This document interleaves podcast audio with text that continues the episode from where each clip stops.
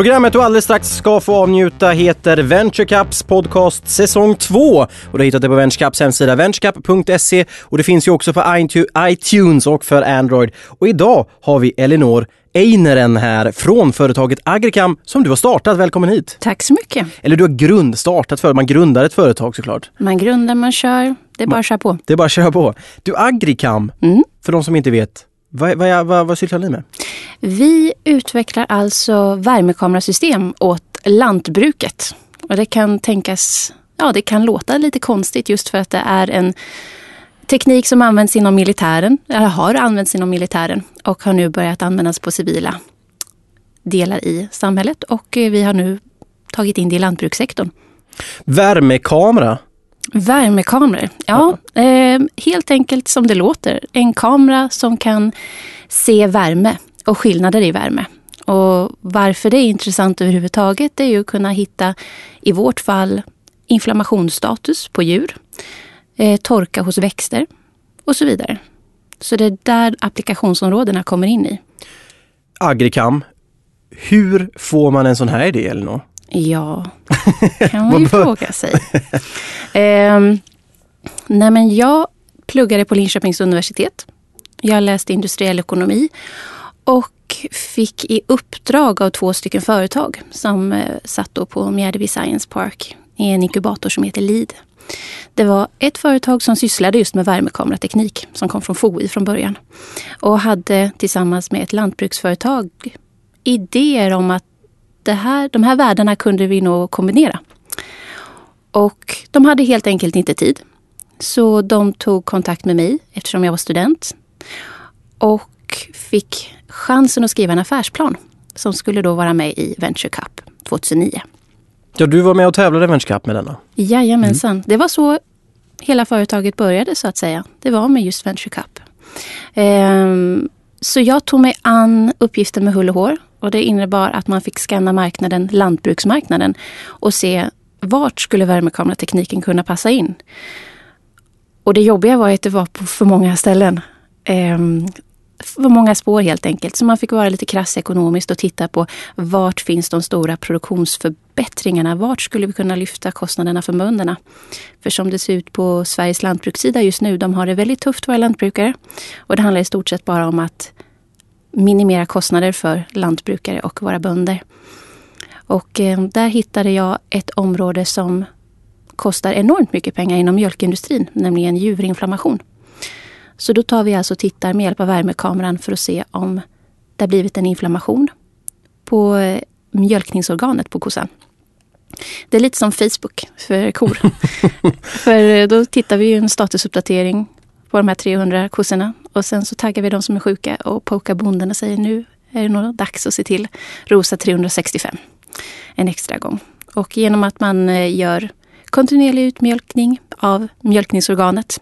Det blir lite på bondanivå här, men eh, helt enkelt mjölka ur för att häva en inflammation.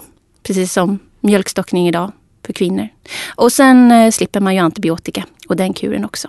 Så det är ju den som bidrar till hela den här kostnaden. Så det är helt enkelt vad systemet vi jobbar med idag går ut på. Så, så du tog, det, det var egentligen en befintlig teknik kan man säga som man ville ha in i ett helt annat segment i samhället. Ja. Och det var ju väldigt spännande att kunna kombinera en militär teknik på en agrar marknad. För utvecklingspotentialen var stor och intresset för produkten, eller framförallt tekniken, har varit oändlig. Så det är väldigt spännande att få kombinera två stycken världar som egentligen inte var tänkt att kombineras från början. Hur, hur, tänkte du då? Du stod där, det var två stycken intressenter som det här vill vi göra, hur, hur, mm. hur tog du, hur axlade du detta? Eh, det, är inte, det handlar inte så mycket om att axla. Det handlar nog mer om att hålla hand. Man håller hand med ett teknikbolag som är mer åt forskarhållet, väldigt kompetenta och eh, väldigt grundlig forsk, forskarnivå. Väldigt kompetenta människor.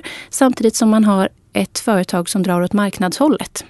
Ehm, så genom att hålla dem i handen och på ett på ett eller annat sätt röra sig framåt med de här två krafterna åt vardera håll.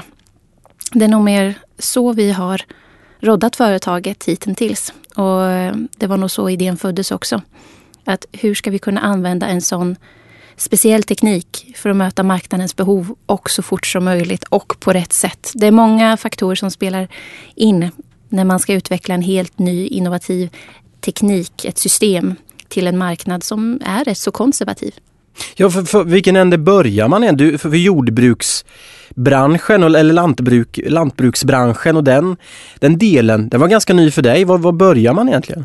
Um, den var helt ny. Jag kommer inte från lantbrukssektorn från början utan det handlade ju om att uh, jag fick ju sätta på mig stövlarna och ge mig ut i verkligheten i myllan.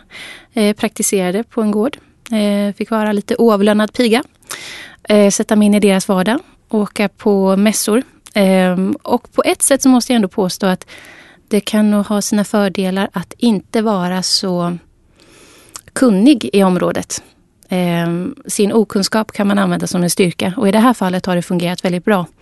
För ju mindre jag visste desto mer dumma frågor kunde jag ställa och desto mer fakta kunde jag få. Så att eh, jag utgår fortfarande från att, eh, att ställa frågor är det absolut bästa sättet att kläcka nya idéer. Det är så alltså? Ja, gud ja. Dumma frågor? Dumma frågor. Det finns, alla de som ställer dumma frågorna i skolan är de som får bäst betyg. Det är bara så. Det, det känns ju lite grann som att leta efter en nål i en höstack. Rent, nästan bokstavligt talat när man, nu ska du praktisera på den här gården och du ska hitta användningsområden för den här tekniken. Um, det kan ju vara vad, vad som helst. Ja, och då, och, och då i slutändan så blir det, vad är en lönsam produkt? Vad behöver marknaden? Och det där tror jag varit min styrka på ett sätt, att jag kunnat sett eh, kostnadsfördelar med olika typer av tekniker. Och kostnadsfördelar fördel, fördelar i, eh, på djursidan, på växtsidan, på gas. Allting som har lantbruket till. Du hade varit på praktik på gården. Du hade lokaliserat de här det här, ungefär här ska jag, eller här ska jag använda den här tekniken. Vad gör man sen? Affärsplanen är ju lite där jag började. Och det är en väldigt god början. Jag har mycket att tacka Venture Cup för, för att det skapade en viss struktur.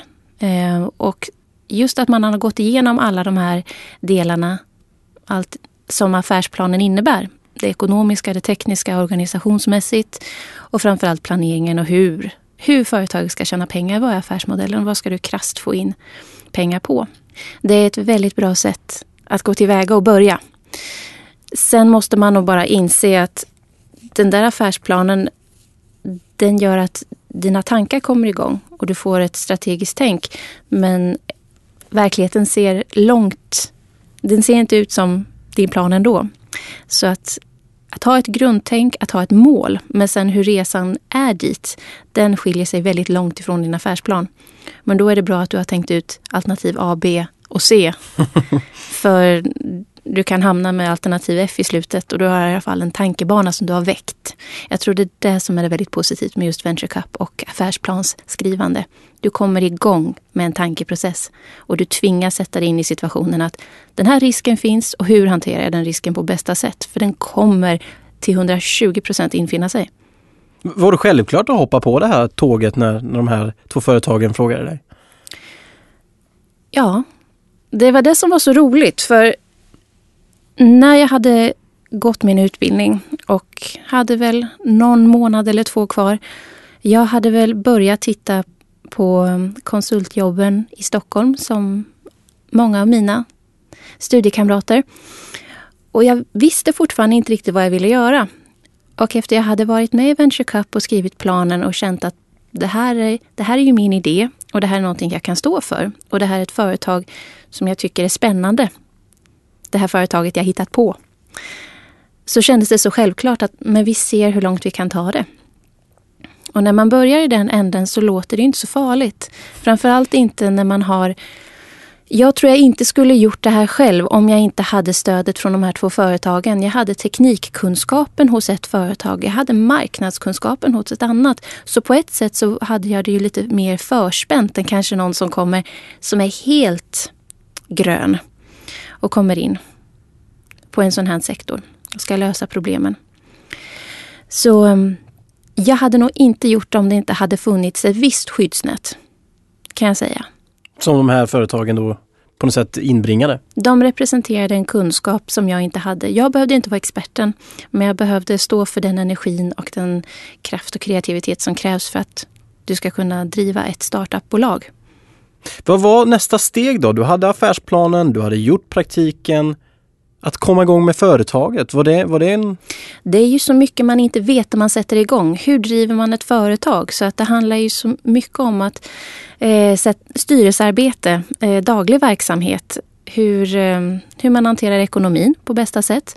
Men jag tror den första uppgiften jag fick, förutom att sätta igång med mindre fältstudier, det handlade ju om att få in riskkapital och att säkra en patentportfölj. För det hade jag ju förstått att utan patent så kan vi inte skydda oss. Och utan framtida kapital så kommer vi inte kunna överleva. För det här är fortfarande ett väldigt tekniktungt företag med stor utvecklingspotential och behov av utveckling. Ja, ska vi gå in lite grann på det? För precis som du säger, ni har fått patent också på den här tekniken. Mm, I Sverige. I Sverige. Eh, det är en ganska, vet jag, det är en process att söka patent. Berätta, hur, hur har ni gått tillväga? För att försöka bara ta det på så enkel nivå som möjligt så handlar det om att när du känner att du har ett behov av att skydda din idé. För du får ju göra en avvägning. Antingen så behåller du dina företagshemligheter för dig själv. Eller så känner du att nej, men det här är någonting som har potential att patenteras. Eh, och i vårt fall så handlar det om att patentera eh, generella områden och system. Alltså lite bredare. Och eh, man börjar ju helt enkelt med nyhetsgranskning. Och den nyhetsgranskningen gjorde vi tillsammans med Ava Patent. Och eh, tittade helt enkelt på vad som finns på marknaden. Och det här, får, det här finns det ju väldigt kompetenta patent, eh, patentjurister som finns där för att hjälpa små företag. Och vet också ett litet företags ekonomiska möjligheter och motgångar. Så det här handlade om att det blev ett eh, lagsamarbete. De förklarade vad de kunde leverera och som jag kunde hjälpa till med. Alltså de kunde ta ut listor, jag kunde sortera ut listorna. Så det handlade om att vi eh, kom överens om hur den här processen skulle gå till för att vi överhuvudtaget skulle kunna ha råd med det. Och eh, med stöd från Almi och eh, Tillväxtverket så var det möjligt att genomföra den här processen. Och eh, man börjar helt enkelt på nyhetsgranskningsbasis och för det här vidare under ja, till PRV. Eh, och sedan går man, väljer man om man vill ta det här till den nationella fasen. Och den nationella fasen innebär att du antingen lägger Europa-patent eller om du lägger i vissa länder så att säga. Och det är en väldigt lång process. Den är väldigt krånglig och den är väldigt svår att göra själv. Jag skulle inte rekommendera någon att göra den själv. för att det är för många datum att hålla koll på. Och eh, det finns kompetenta personer som är utbildade i det här. Låt dem tillsammans med dig vägleda dig om hur du ska lägga upp din patentportfölj och hur, och hur ni ska gå tillväga. De har full förståelse för att små företag inte har de ekonomiska möjligheterna som ett större bolag har. Men den här avvägningen då som du pratar om att ska man behålla företagshemligheterna eller ska man faktiskt skydda dem? Mm. Eh, hur, gör, hur gör man den då? Hur ska man veta vad, vad, om patent är rätt för mig? Eh, det beror helt enkelt på vad du har för affärsstrategi. För ska du som sälja en produkt och den produkten att det finns möjlighet att kopiera den. Givetvis måste du ha ett, ett patent. Men ska du sälja en mjukvara till exempel där du kan skydda dina algoritmer så kanske du inte behöver ett patent. Det, på så sätt är det en avvägningsfråga. Vad kan, du, vad kan du skydda från dina konkurrenter? Vad kan konkurrenterna inte gå in och sno? Ehm, sen tycker jag att det här är en diskussion som man givetvis det kostar ingenting att söka upp AVA patent eller vilken patentbyrå som helst för att bara ta en diskussion. Vad är möjligt att patentera? För det kommer och går även trender i just patentsökning. Allt ifrån just de här rent tekniska till marknadspatent som är väldigt intressanta. Områdespatent, systempatent. Det är väldigt brett och möjligt. Men som, precis som du sa där, man har förståelse för att man kanske inte har så mycket pengar som ett litet bolag i början och, och sådär. Hur, hur, det går att föra en dialog, men, men om man inte har de här pengarna då? Hur, hur ska man göra då? Hade ni kunnat lösa det utan stöd från, från Almi och, och Tillväxtverket? Inte som startup, inte när man är så liten. Då, då behöver man lite... Ja. Eh, och det finns olika skolor som tycker att patent måste du ha. Eh, och jag kan väl säga som så att går du in i en eh, fas där du behöver kapital och man söker investerare, då kräver oftast investerarna att man har en patent, i alla fall en patentstrategi. Och att man givetvis då inte har gått ut och så, för så fort man lanserar sin idé, så fort man går ut med den i pressen så är ju man, man är ju rökt. Du har ju då yppat din enda chans till att patentera din idé. Så antingen går man ut på marknaden och ser till att man får ett marknadsförsprång. Eller så mörkar man sin idé och väntar tills man har ett patent.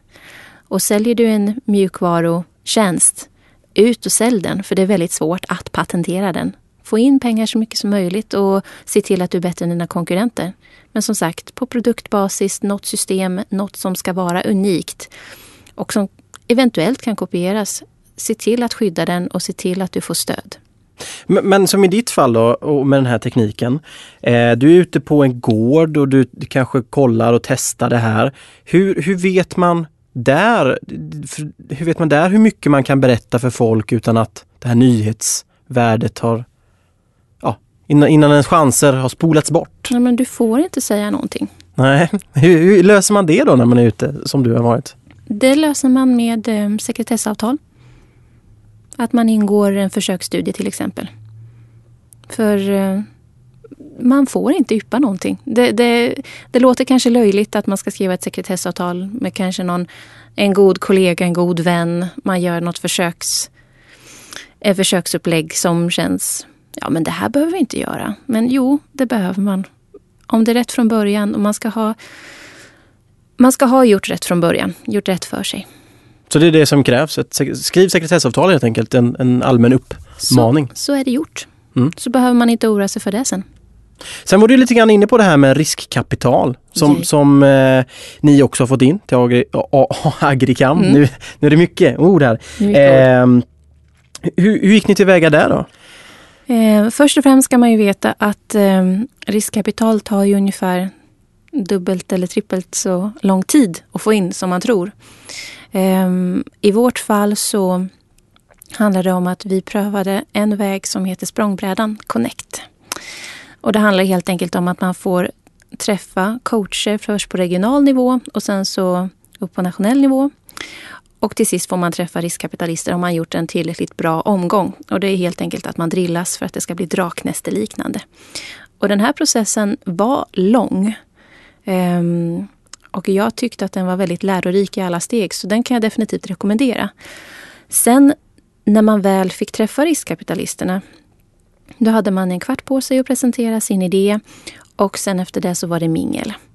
Och då handlade det om att du har, du har den tiden att presentera en idé som ska locka en investerare. Du måste väcka ett behov och en känsla.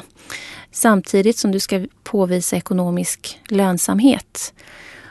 Och i grund och botten så är riskkapitalister bara människor. Det här är människor som är intresserade av att tjäna pengar men de är också intresserade av att investera i en individ. De är intresserade av att göra en resa.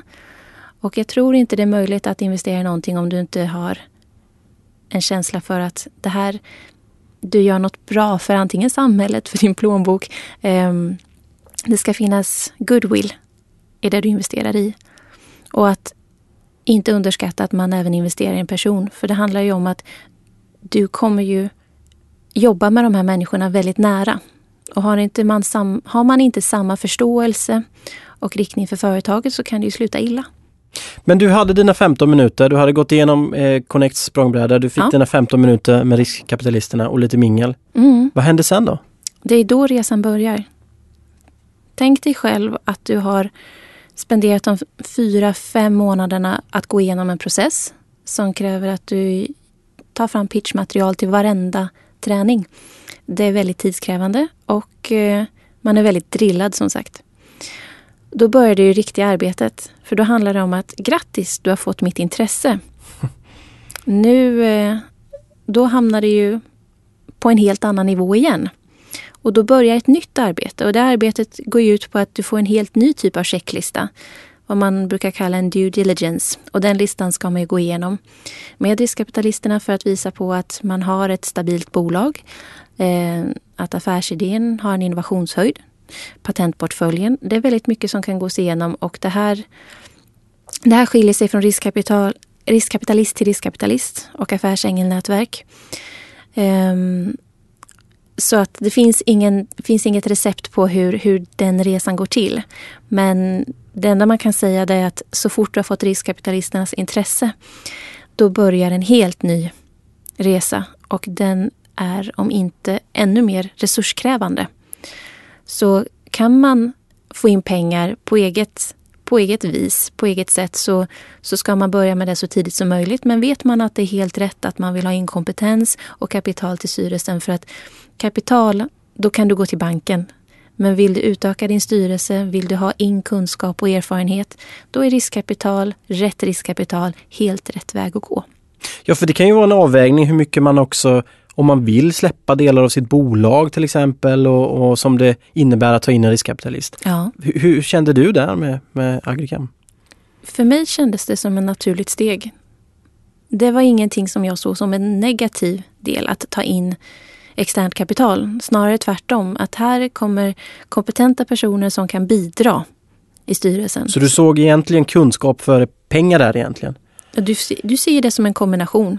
Mm. Um, och skulle det inte klickat på person, personmässig nivå så skulle vi nog inte tagit in. Det är så alltså? Jag tror att det är så man måste se det. För tar du bara in pengar för pengarnas skull, då skulle du inte ta in riskkapitalister överhuvudtaget. Tycker inte jag personligen. Då kanske ett banklån eller någon annan finansieringsform är ett bättre alternativ? Ja. Men ni fick riskkapital till slut? Till slut.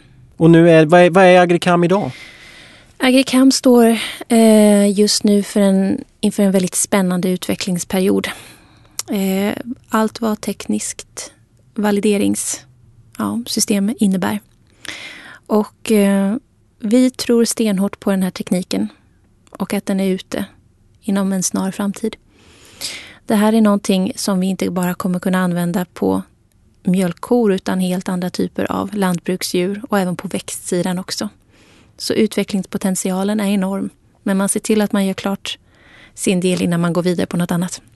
Ja, för det har ju, man kan väl säga att det har nästan haglat eh, olika utmärkelser över Agricam och över dig också. Ni var med på, på 33-listan över, mm. över de hetaste te te teknikbolagen. Du har blivit utsedd till årets innovatör och ovanligaste entreprenör. Och, ja. Kunde du tro det här? um, Nej, jag trodde nog inte att det skulle få en sån uppmärksamhet som företaget har fått väldigt mycket uppmärksamhet. Um, och det är på gott och ont. Uppmärksamhet gör ju att um, publiken förväntar sig mer utav en. Och eh, publicitet gör ju att du syns. Så det, samtidigt som att det krävs mer och mer arbete då så är det väldigt positivt. Och att bli utnämnd till årets eller att bli utnämnd till ovanligaste företagare, det, det, får man ju ta med glimten i ögat. För givetvis, det, det kan tänkas att det är väldigt udda att man då från en civilingenjörsbakgrund inför militär teknik i ett kostall.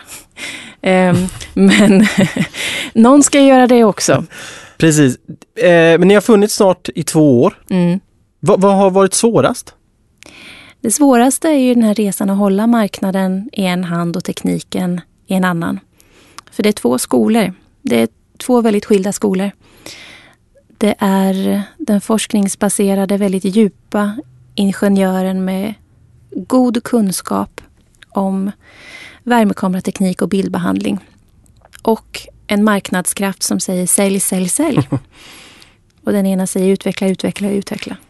Um, och att ha de krafterna och dra dem åt samma håll och lägga att planera för de två är väldigt svårt. En stor utmaning och samtidigt så blir det en sån stor belöning när, när man klarar av de milstolparna. Hur gör man det då? Hur gör man det? eh, det är ett kontinuerligt samtal. Ett samtal mellan tekniker och mellan marknad. För att hitta en balans. Man får absolut inte underskatta att ha så högt i tak som möjligt, att aldrig sluta prata och kommunicera. För i ett sånt litet bolag med så minimala resurser som verkligen finns, så är just kommunikationen är jätteviktig. Klarar man inte av en deadline så ska det annonseras och upp som en red flag så tidigt som möjligt. Att det, det handlar inte om prestige, det handlar om lagarbete. Och man sätter en plan, man sätter en budget, man försöker hålla sig till det. Och går det inte så ska man ha en god anledning till att varför det inte funkade. Men viktigast av allt att man säger till i tid. För då har man ett ärligt samarbete och högt i tak. Jag tror det är jätteviktigt. Om du kollar på Agricam då? Ni har funnits i två år. Vad, vad, tror ni att, vad, tror du, vad tror du du är om fem år? Och företaget? Jag tror att Agricam har en väldigt spännande framtid framöver. Eh, och jag hoppas definitivt att vi kan växa in på de olika områdena som jag nämnde tidigare. På andra djur och andra växt, växter och växtsidan. Eh, jag ser att det är inte omöjligt med lite utländska influenser. Väldigt spännande. Och framförallt är det ett väldigt stort intresse från utlandet för den här typen av produkt och teknik. Så varför inte? En liten filial i Frankrike. Nej, skämt åsido. Det ska bli väldigt kul att se hur marknaden reagerar på inhemsk nivå och utländsk nivå framöver. Och du då Elinor? Du har kastat dig in här nu i en bransch som du kanske inte alls hade en aning om hur det fungerade. Vad är det som, är det som driver dig i det här? Vad som driver mig det är att jobba med extremt kompetenta personer. Jag har hamnat i någon form av melting pot med eh, experter på värmekamerateknik och väldigt kompetenta människor ute på lantbruket. Och ehm, på något udda vänster så kombinerar vi våra kompetenser och gör det väldigt bra. Det är väldigt roligt att få jobba med duktiga människor. Och duktiga människor som levererar och vill göra någonting tillsammans för att bli ännu starkare. Det låter lite klyschigt, men det känns väldigt, väldigt trevligt. Det får vara klyschigt tycker jag. Badapaching. men du, eh, avslutningsvis. Ja. Tiden går fort när man har roligt. Vi har hållit på här nu snart en halvtimme. Herregud. Eh, vi brukar avsluta varje podcast med att, att eh, du som intervjuad får ge dina tre absolut bästa tips till andra som kanske vill göra samma resa som du har gjort med Agricam. Mm. Ska vi börja med tips nummer ett? Tips nummer ett. Planering är A och O. If you fail to plan, you plan to fail. Bra citat. Nummer två. Säger en utvecklingsingenjör att det kommer ta två dagar att lösa en bugg så tar det oftast, ja, räkna med en vecka. Allt tar längre tid än vad man tror. Tips nummer tre. Ja, nu tog du ju lite den här allting tar längre tid än vad man tror. Men ger ni det in i riskkapitalisthärvan, den väldigt trevliga härvan, så räkna med att det tar allt ifrån ett halvår till ett år och ha god planering, framförallt ekonomisk planering och styrka för att ta den resan. Med de orden Elinor så tänker jag avsluta den här podcasten. Det har varit väldigt trevligt att ha dig här. Det har varit väldigt intressant att höra om er resa med Agricam och din resa med Agricam. Tack så jättemycket. Tack för att jag fick vara här.